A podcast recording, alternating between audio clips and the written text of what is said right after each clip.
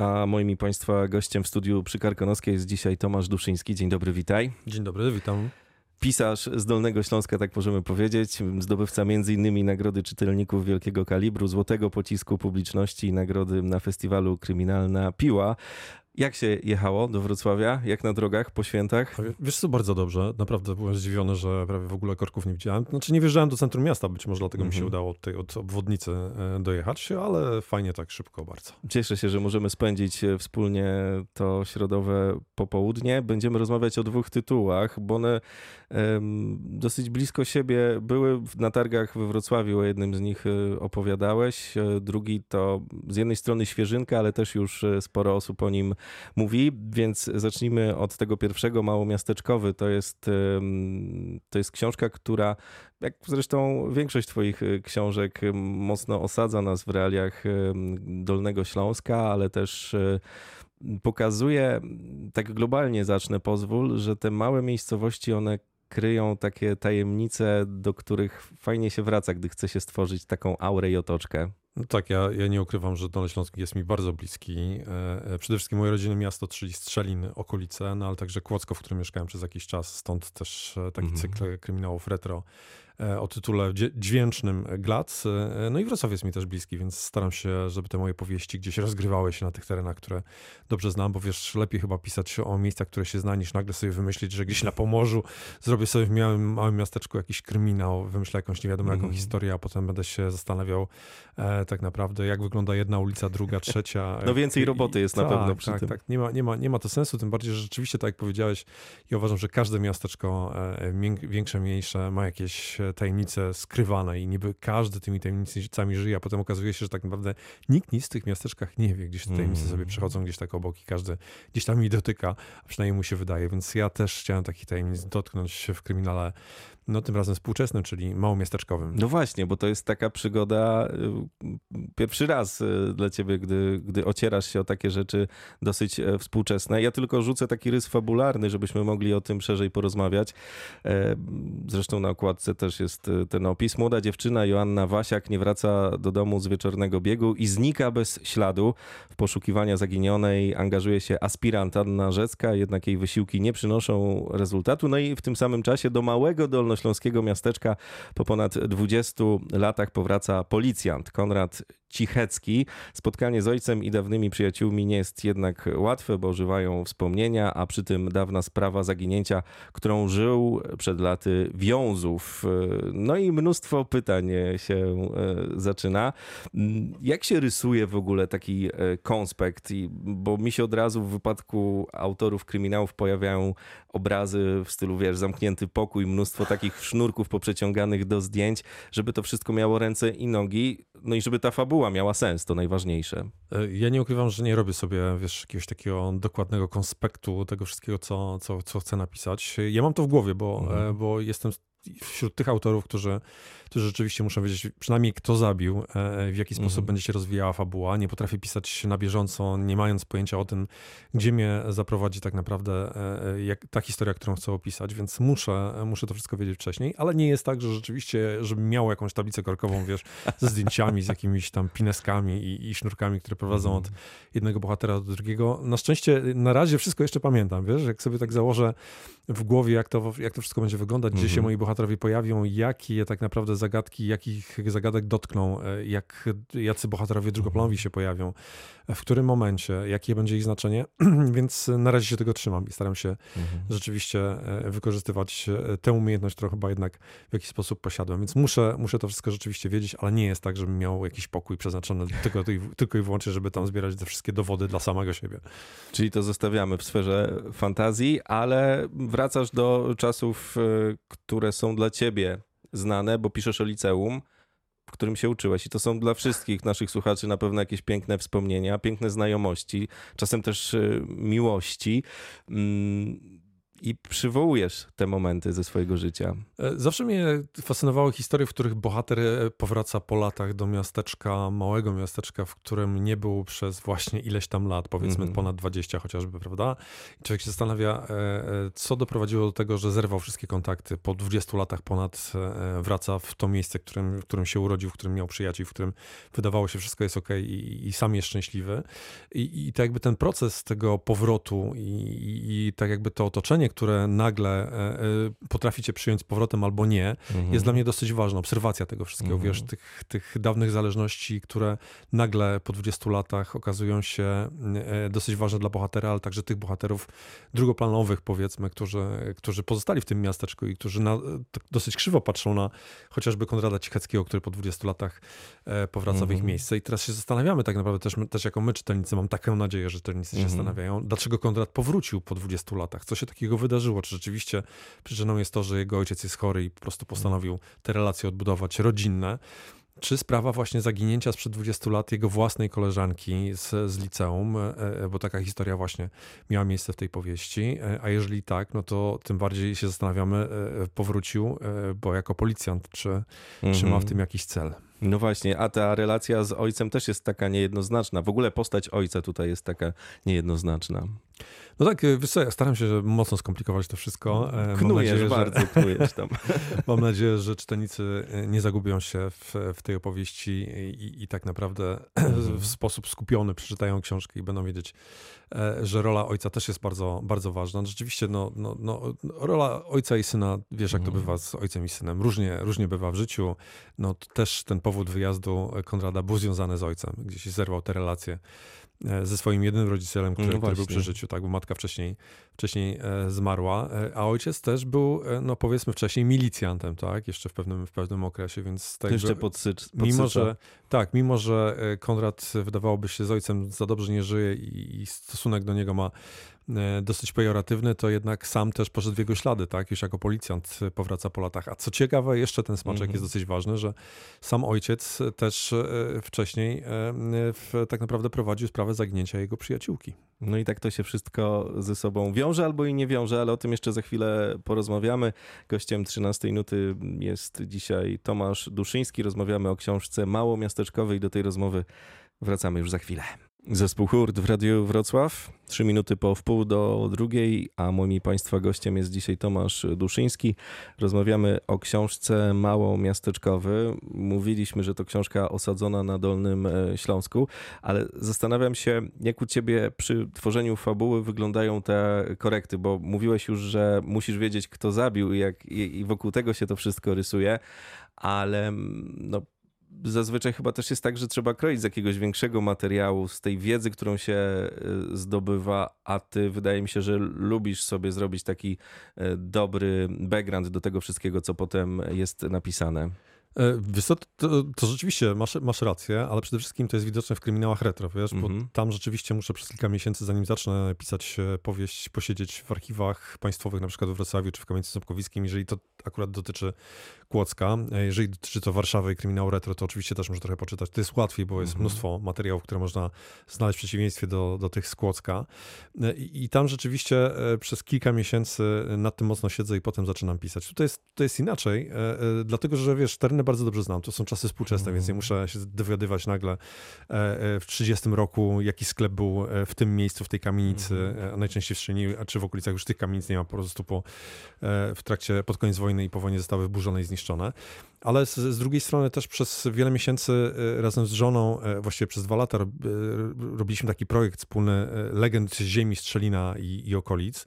Wydaliśmy taką książkę Legendy Ziemi Strzelińskiej. Zebraliśmy ponad 50, 60 blisko legend, wiesz, podań z naszego regionu, więc przez bite kilka miesięcy, a właściwie przez cały rok niemalże jeździliśmy od miejsca do miejsca po powiecie strzelińskim, wiesz, wiązów właśnie, Strzelin, mm. Księżyce czy, czy, czy mniejsze miejscowości. Szukaliśmy, wiesz, e, tych miejsc, o których mówią legendy, wiesz, jakiś, jakaś Biała Dama, Czirnowie z Gromnika.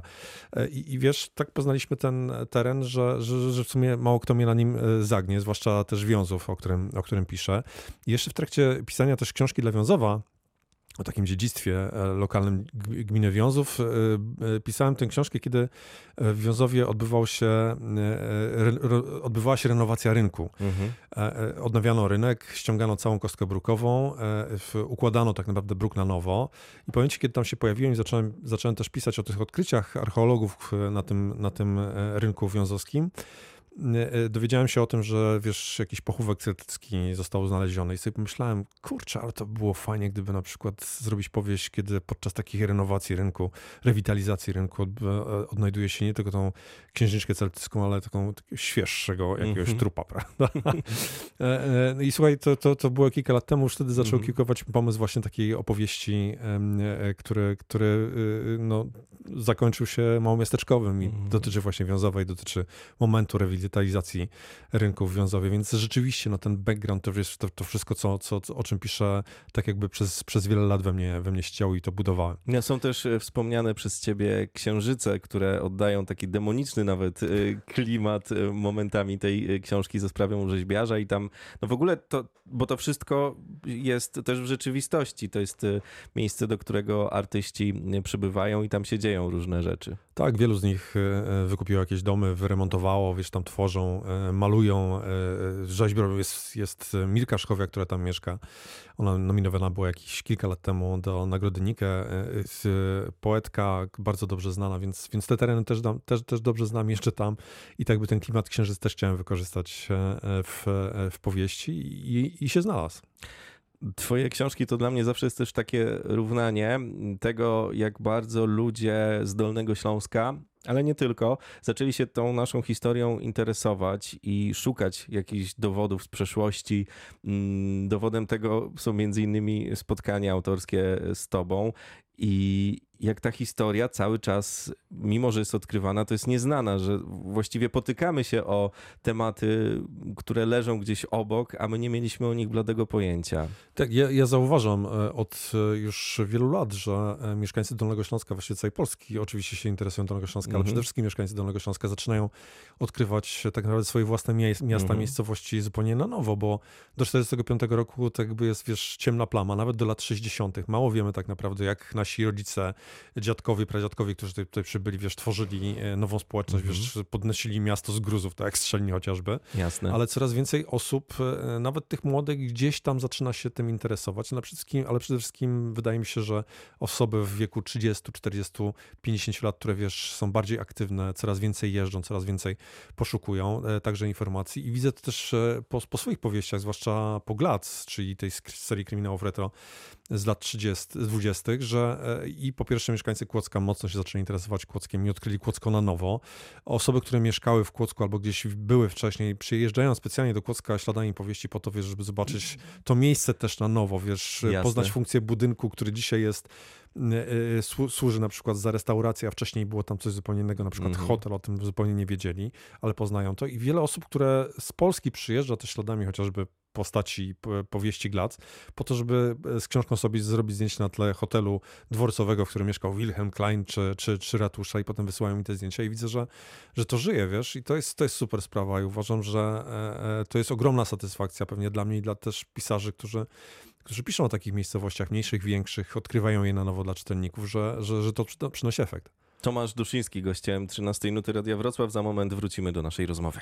John Lennon w Radiu Wrocław za 14 minut będzie godzina 14, a z nami w studiu dzisiaj Tomasz Duszyński. Rozmawiamy o twojej książce Mało Miasteczkowe i tak globalnie, jeśli możemy spojrzeć na to, co już wydałeś, to można powiedzieć, że z wypiekami na twarzy czeka się na ekranizację tych, tych książek, bo one są bardzo obrazowe. Jak się je czyta, i to też nie tylko moje zdanie, ale także czytelników, to się od razu wszystko pojawia jak w takim um, właśnie obrazku. No, ja się z tego cieszę. Ja muszę Państwu powiedzieć, Tobie też muszę powiedzieć, że jak, gdy ja piszę swoją powieść, tak naprawdę każdą scenę widzę e, Aha. w głowie. I, I, jeżeli chodzi o film, to ja już ten serial tak naprawdę e, mam bardzo dobrze przemyślany i wszystko już widziałem. Także aktorów, którzy występują w głównych rolach. E, nie, naprawdę muszę, muszę tak jakby zobaczyć to wszystko w głowie. Mm -hmm. I mhm. rzeczywiście, kiedy ja coś piszę, tak naprawdę opisuję obraz, który, który mam przed oczami. Więc, więc tak to wygląda wygląda, jeżeli chodzi o ekranizację. No nie jest prosto i łatwo zekranizować kryminał retro. E, Marek Krajewski przez wiele lat czekał na e, tę superprodukcję, która, która, która powstała, czyli Erynie. E, to jest, to jest droga rzecz wyprodukować taki serial. Myślę, że, że kilka takich współczesnych można w, wyprodukować zamiast tego i mieć większą szansę na to, że przynajmniej jeden z nich zrobi naprawdę e, dużą furorę wśród, e, wśród e, oglądających. Więc ja nie ukrywam, że kilka pytań, zapytań było, nawet bardzo konkretnych. Z, raz z jedną z firm producenckich spotkaliśmy się w Kłodzku także wielokrotnie, tuż przed pandemią i, i, wydawało się, że już jesteśmy w domu, ale pandemia pokrzyżowała nasze, nasze plany i, i tak jakby projekt upadł, ucichł i być może upadł tak naprawdę. Wydaje mi się, że mhm. już e, do niego nie będziemy wracać. Nie wiem, no chciałbym zobaczyć rzeczywiście taki serial Glac, e, czyli serial rozgrywający się w Kłodzku, bo dlaczego e, ma Kłodzko odgrywać Lwów dla Marka Krajewskiego, skoro Kłodzko może dla Tomasza Duszyńskiego odgrywać swoje własne tak naprawdę kamieniczki, które przetrwały, prawda? No i pewnie Przez... też w przepychaniu, mówiąc brzydko, tych tematów filmowych pomagają ci nagrody, które zdobywasz, bo uznanie czytelników jest, ale te nagrody, one też są jakąś taką laurką która może być takim dopełnieniem w przyszłości, żeby się ziściły te marzenia. Ja się cieszę z, z nagród jak najbardziej, tym bardziej, że część z nich została, została przyznana przez czytelników, e, e, w wielki kaliber czytelników, czy złoty pocisk e, i jury i czytelników. To jest bardzo fajna rzecz. Kryminalna piła, kryminalny magiel. Bardzo fajnie. Cykl Glacyk, fenomen z Warszawy jest, jest nagradzany, jest zauważany przez, przez jury różnych konkursów bardzo znaczących w tej E, w tej branży, e, ale przede wszystkim też przez czytelników, czego się bardzo, bardzo cieszę, bo e, fajnie, kiedy rzeczywiście dostaję zdjęcie z Warszawy z książką, czy, czy, z, czy z Kłodzka i czytelnicy czekają na kolejne tomy. Mm. A jak wygląda ten proces pisania u ciebie? Bo to też jest zawsze owiane taką trochę e, magią. Czy ty jesteś takim trochę korpolutkiem w stylu, że siadasz przy biurku, e, jest ósma e, i do 15 piszesz z jakąś tam przerwą na drugie śniadanie? Czy to jest raczej taki proces bardziej romantyczny? Chciałbym romantyzmu więcej w tym pisaniu. Rzeczywiście przez trzy lata, kiedy skończyłem swoje życie zawodowe, że tak mm -hmm. powiem, radiowe, ale też firmy eventowe, które prowadziłem, przez trzy lata tak to wyglądało, czyli zawoziłem córkę do, e, do szkoły, siadałem i, i kiedy ją odbierałem tak naprawdę, to, to wtedy kończyłem e, pisać. Potem jeszcze wieczorem coś, jakieś sprawy, sprawy mm -hmm. rodzinne, e, fajne życie rodzinne, ale też szukanie informacji do, do książki, więc tak to wyglądało. I pracuję znów zawodowo, bo okazało się, mhm. że jednak nie jestem w stanie, wiesz, wysiedzieć na fotelu bite tam 8 godzin i tylko i wyłącznie pisać. Wyobraziłem sobie siebie za kilka lat, kiedy wiesz, takim dużym brzuszkiem siedzę, żona wraca z pracy, ja wołam i piwo mi przynieść z lodówki, tak? I będę chipsa z brzucha ściągał jak z półeczki. E, e, miałem taką wizję, więc pomyślałem sobie, że jednak brakuje mi mm kontaktów z ludźmi. Sam wiesz, w radiu non-stop jesteś w ruchu, non-stop masz ludzi, mm -hmm. non-stop rozmawiasz, wiesz, coś się dzieje i, i, przez trzy lata brakowało mi tego bardzo mocno, więc powróciłem do życia zawodowego, mm -hmm. nie jako dziennikarz, nie jako firma eventowa, ale jestem dyrektorem e, Miejskiej Gminy Biblioteki w Strzelinie, więc realizuję się w inny sposób, robię fajne, fajne imprezy, mamy pokój zagadek, Arkadego Fidlera u siebie, mamy Festiwal Literatury, których już sześć edycji z, w, zrobiliśmy we wrześniu, siódma. Mam nadzieję, zobaczymy jak będzie też się we wrześniu, tego roku już, mhm. przepraszam, tego roku odbędzie, więc, więc wiesz, robię różne rzeczy i też piszę codziennie, Czyli bo uważam, że można trzeba. powiedzieć. Tak, wieczorami, a przede wszystkim weekendy.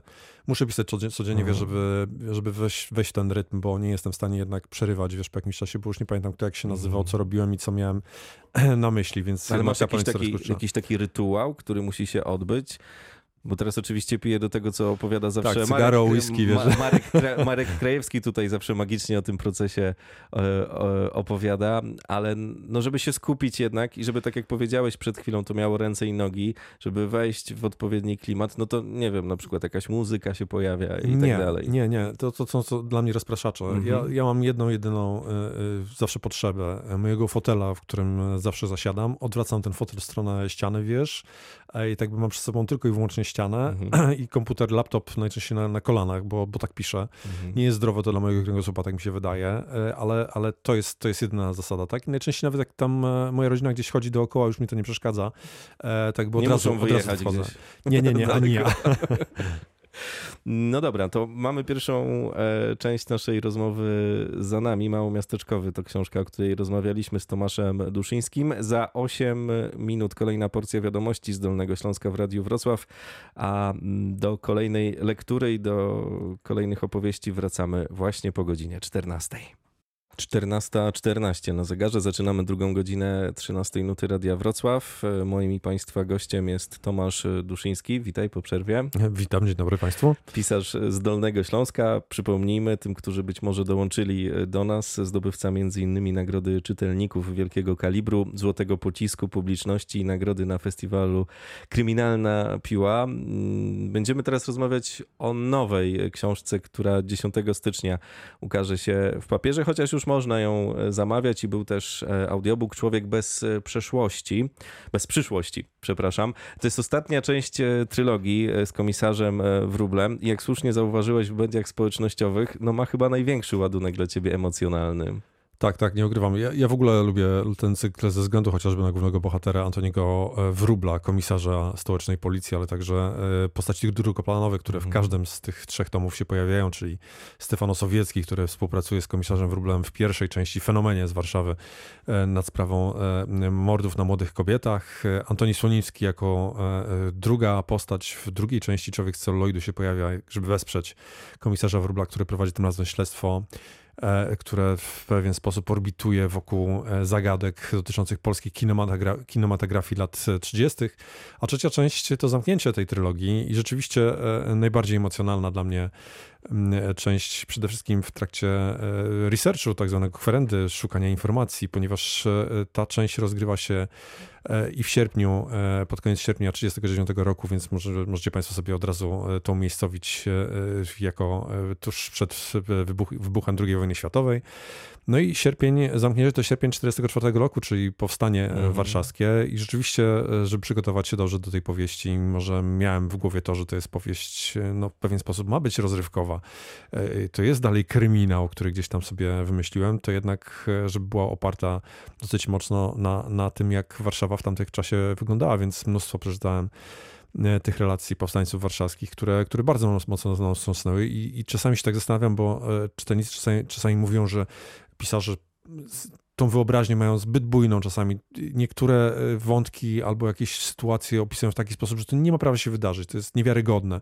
I kiedy tak czytałem te relacje zwykłych osób, które przetrwały powstanie albo nawet nie przetrwały, to te wydarzenia, których w życiu w tamtym okresie mm, miały miejsce, są tak niewiarygodne, e, e, że wydawałoby się, że, że najlepszy scenarzysta nie potrafi takich rzeczy wymyślić, a, a, a takie rzeczy scenariusze pisze po prostu samo życie.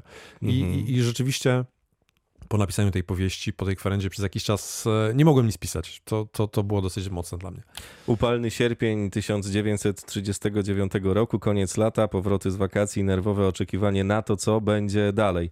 Czy wybuchnie wojna? Oto pytanie, które zadają sobie i jasnowidzowi Ossowieckiemu wszyscy. Jak przeczytałem ten opis, to poczułem dreszcze na plecach, bo pomyślałem sobie, że to są też pytania, no może nie dosłownie, ale w pewnym kontekście bardzo bliskie nam, współcześnie żyjącym.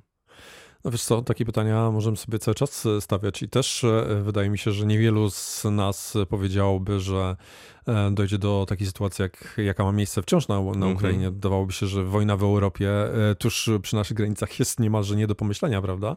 A jednak stało się zupełnie inaczej. Z tym Stefanem Osowieckim też e, trudno powiedzieć, jak wyglądała ta sprawa zap zapytań dotyczących tych jego przewidywań dotyczących wojny. Wydaje się, że bardziej mówił, że, że wszystko rozejdzie się rzeczywiście po kościach. -hmm. Tam gdzieś chyba podczas targów poznańskich go to jeden dziennikarz zapytał i taka miała być jego, jego odpowiedź.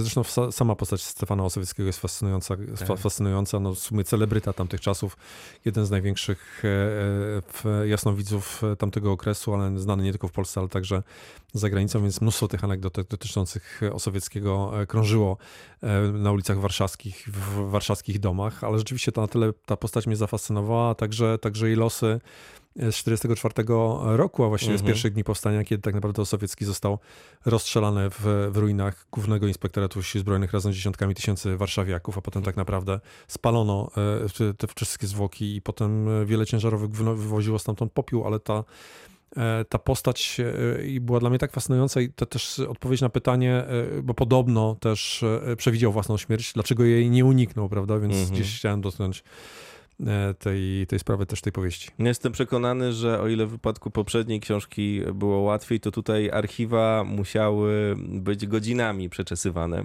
To, to, to jest rzeczywiście różnica duża pomiędzy pisaniem kryminałów retro i kryminałów współczesnych. Moim zdaniem rzeczywiście trudniej jest pisać kryminał retro. Najtrudniej jest pisać kryminał retro na małym mieście, o którym mało kto pisze, historyk, czyli takim Kłodzku chociażby. Tam rzeczywiście muszę w archiwach państwowych odnaleźć akta policyjnej, mhm. ale to, to, to, to, to tak naprawdę daje im możliwość odnalezienia naprawdę ciekawych rzeczy, jak na przykład akt psiej policji w Kłodzku. Nie wiedziałem, tam psia policja a tak naprawdę funkcjonowała. W Warszawie jest prościej. Nie muszę szukać tego w archiwach, ponieważ jest tak dużo miłośników Warszawy, historyków, warszawianistów, którzy, którzy piszą o Warszawie non-stop, mhm. odkrywają nowe rzeczy, że wystarczy, że e, zajrzę do ich prac, tak? Przeczytam artykuł jeden, drugi, książkę, wspomnienia i to daje mi tak naprawdę pełny obraz tego, co, co chcę uzyskać i co, co potrzebuję. Tak, tak, tak rzeczywiście było przy okazji Warszawy, więc tutaj nie archiwa, a bardziej bardziej, e, bardziej książki, do których może, może każdy z Państwa może dotrzeć. Tomasz Duszyński, moim Państwa gościem. Za chwilę wracamy do rozmowy w Radiu Wrocław.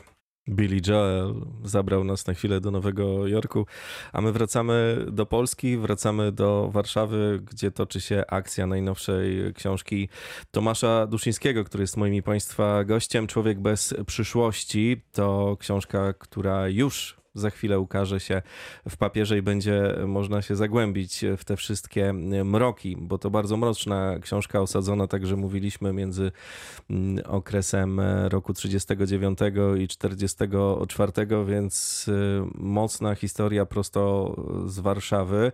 Mm, mówiliśmy przed godziną 14 o tym, że twoje książki mm, śmiało mogłyby nadać się do ekranizacji, ale w tym wypadku y, jest też tak, że mm, można mówić o zapachach, bo zabierasz nas e, do różnych miejsc. Nie zawsze są to przyjemne zapachy, ale e, jest między innymi mm, zapach bigosów z Pelunie dla robotników, jest e, legendarna ziemiańska, teatry, te wszystkie miejsca, mm, o których dzisiaj tak z uśmiechem trochę rozmawiamy, bo to między dwudziestolecie międzywojenne jest też owiane taką trochę aurą tajemniczości.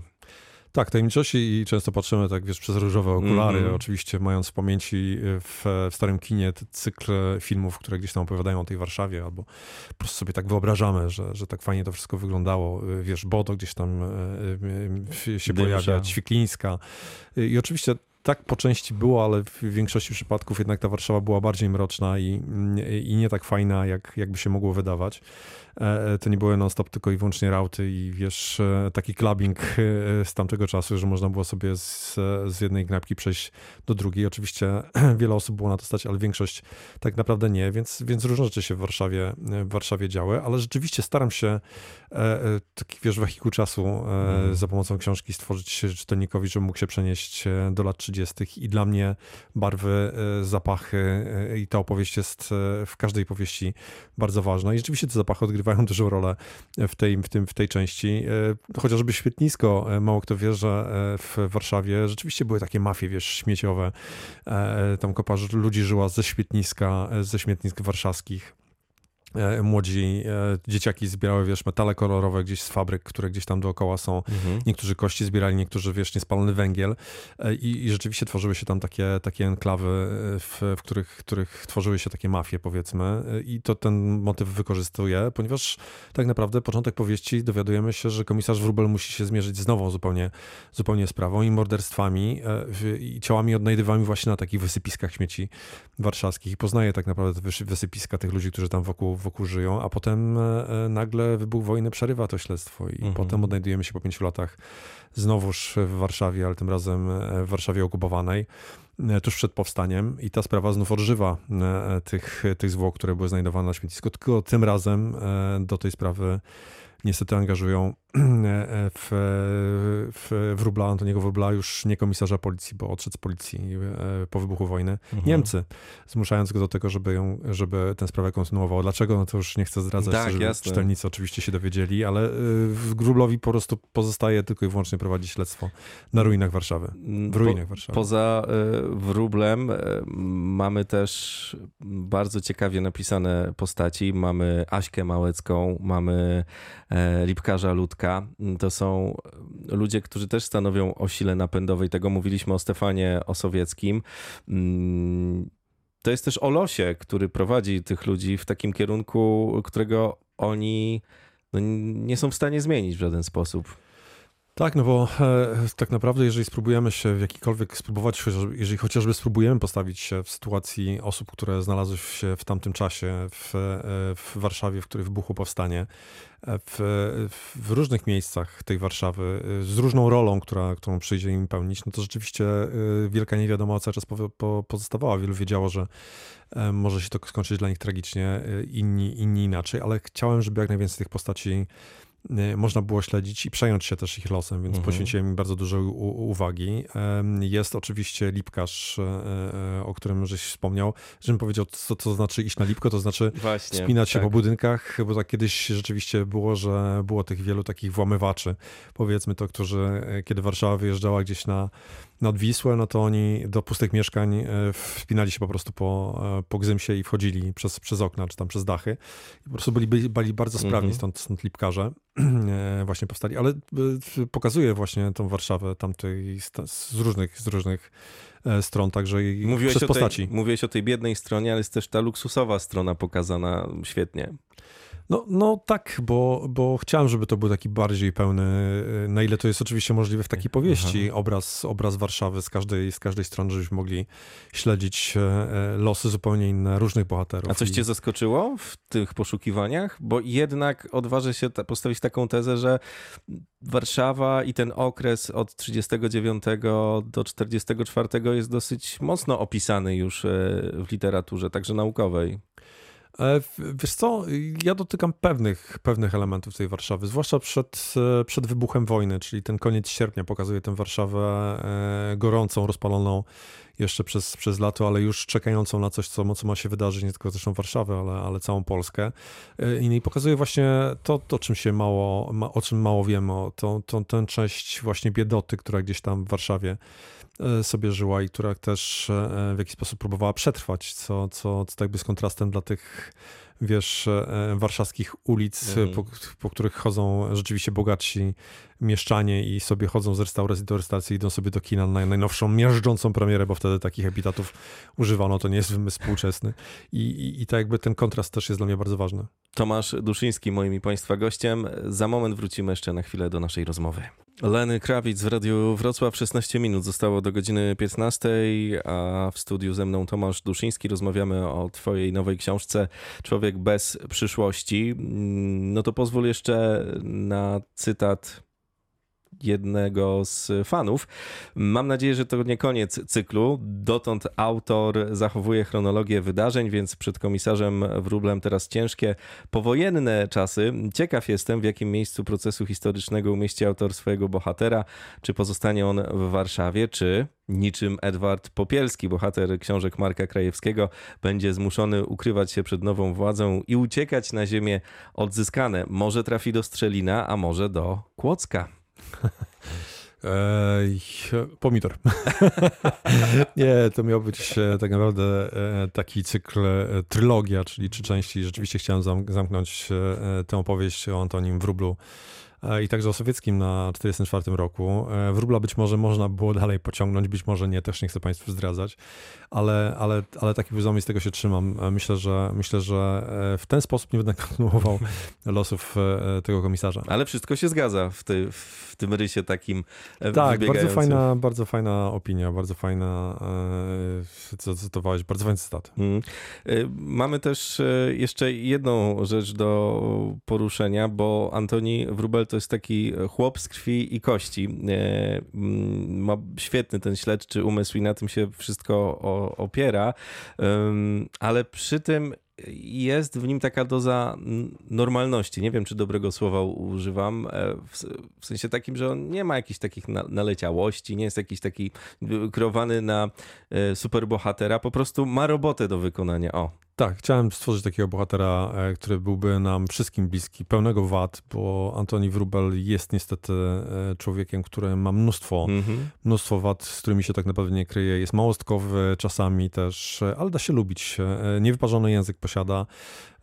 Cały czas jest obżartuchem, cały czas je ma problemy tak naprawdę też z tym, że, że nie potrafi się powstrzymać. Mm -hmm. I tych problemów ma o wiele więcej, to państwo być może zapłaci do niego jakimś takim uczuciem pozytywnym. Mam, mam nadzieję, y, i będzie wam, wam bliski. Nie mówię, że każdy z nas jest obżartuchem. Ja jestem czasami, ja ale, też. Ale, ale każdy z nas jest tak czasami mało, małostkowy, tak mi się wydaje, jak i ten, jak i ten wróbel. Adam Ferency mm, zajął się audiobookiem. E, podsłuchiwałeś? Bo tak, świetnie pasuje do tej roli. Tak, e, niesamowita interpretacja. Bardzo się cieszę, że, że, że pan Ferency zdecydował się na e, przeczytanie e, w wersji audio e, wszystkich trzech części, więc jeżeli Państwo lubicie ten głos, to oczywiście także zachęcam, a jeżeli chcecie poczytać Antoni Wróblą, dowiedzieć się, jakim tak naprawdę był śledczym i przeżyć razem z nim przygody i dowiedzieć się, jak ta trylogia się kończy na tych ruinach, w tych ruinach Warszawy, jak prowadzi to śledztwo Antoni Wróbel i dlaczego, to zachęcam oczywiście do sięgnięcia po Człowieka bez przyszłości. Jest już w księgarniach. Tak, to na koniec jeszcze zapytam o okładkę, bo też w sumie zadaję parę pytań. E, w czerwieni e, jest zamoczona i, i właśnie, może opowiedz o co chodziło.